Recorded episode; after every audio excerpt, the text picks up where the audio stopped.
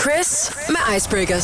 Som er Guds gave til enhver akavet situation. Hej, Karoline. Hej Chris, det har du fuldstændig ret i. Jeg hørte Nikolas og Nicoline tale i morgenshowet forleden om, at Nicoline hun skulle til en fest, Ja. hvor hun udelukkende kendte fødselaren. Øj, den Der er kom også svær. så mange mennesker, hun ikke anede, hvem var. Og hvad skal man så snakke om? Jamen, der tænker jeg, at der er vi som sagt gudsgaven. Sådan der. Gudsga- gudsgaven. Ja, vi, okay, yes. Den er ikke Men, Men... situation. så tag lyt rigtig godt efter nu. Det er Ja. nu, der kommer guld.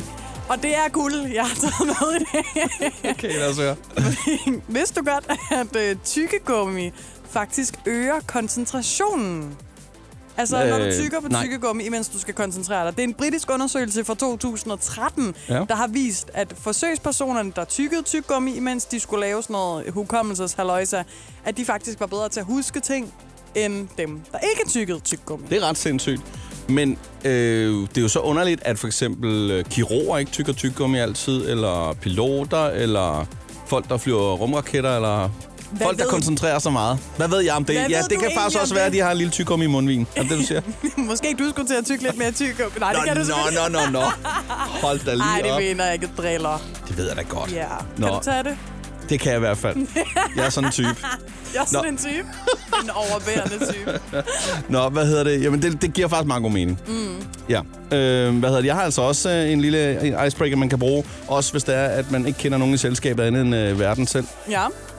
Fordi der kan man bare sige, ved, hvis du godt, at rummet lugter af svitset bøf, og så kan man jo lige se, hvad de reagerer på det. What? Af Svitset bøf. Altså, der er nogle astronauter, der åbenbart har taget deres rumhjelm af. Det troede jeg ikke, man måtte. Og så er de været ude og lugte, og det lugter sådan noget. Blandt andet noget brændt metal og noget svitset bøf skulle rummet lugte af. Jeg troede, det lugtede lidt af sådan prut, men det, jeg ved ikke, hvorfor, jeg Hvorfor har... troede du det? Jamen, det ved jeg ikke.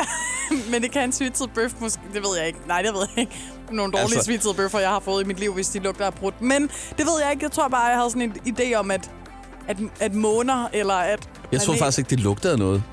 Jeg troede ikke, at der var nogen lugt. Lidt ligesom her. Jeg tror bare, det er sådan lidt gasset. Det ved jeg ikke. Er der ikke sådan lidt... Men det er jo lidt også, gasset? jamen det tror jeg, det er jo noget gasart, der lugter sådan der, så det har du for så vidt ret i, tænker jeg. Øh, men man kan da i hvert fald sige, Elon Musk og SpaceX og alle de der, der vil gerne, gerne vil bo på månen, de skal da lige lufte ud i hvert fald, inden de øh, flytter ind. Det er det, eller ja redde det på en eller anden måde. Tag en, un- hvad hedder de der, wunderbau? Skal det med i cockpittet?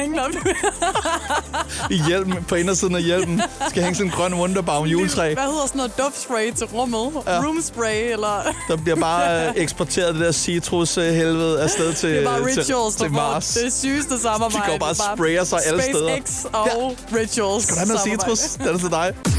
Lyt til Icebreakers podcast på Radioplay.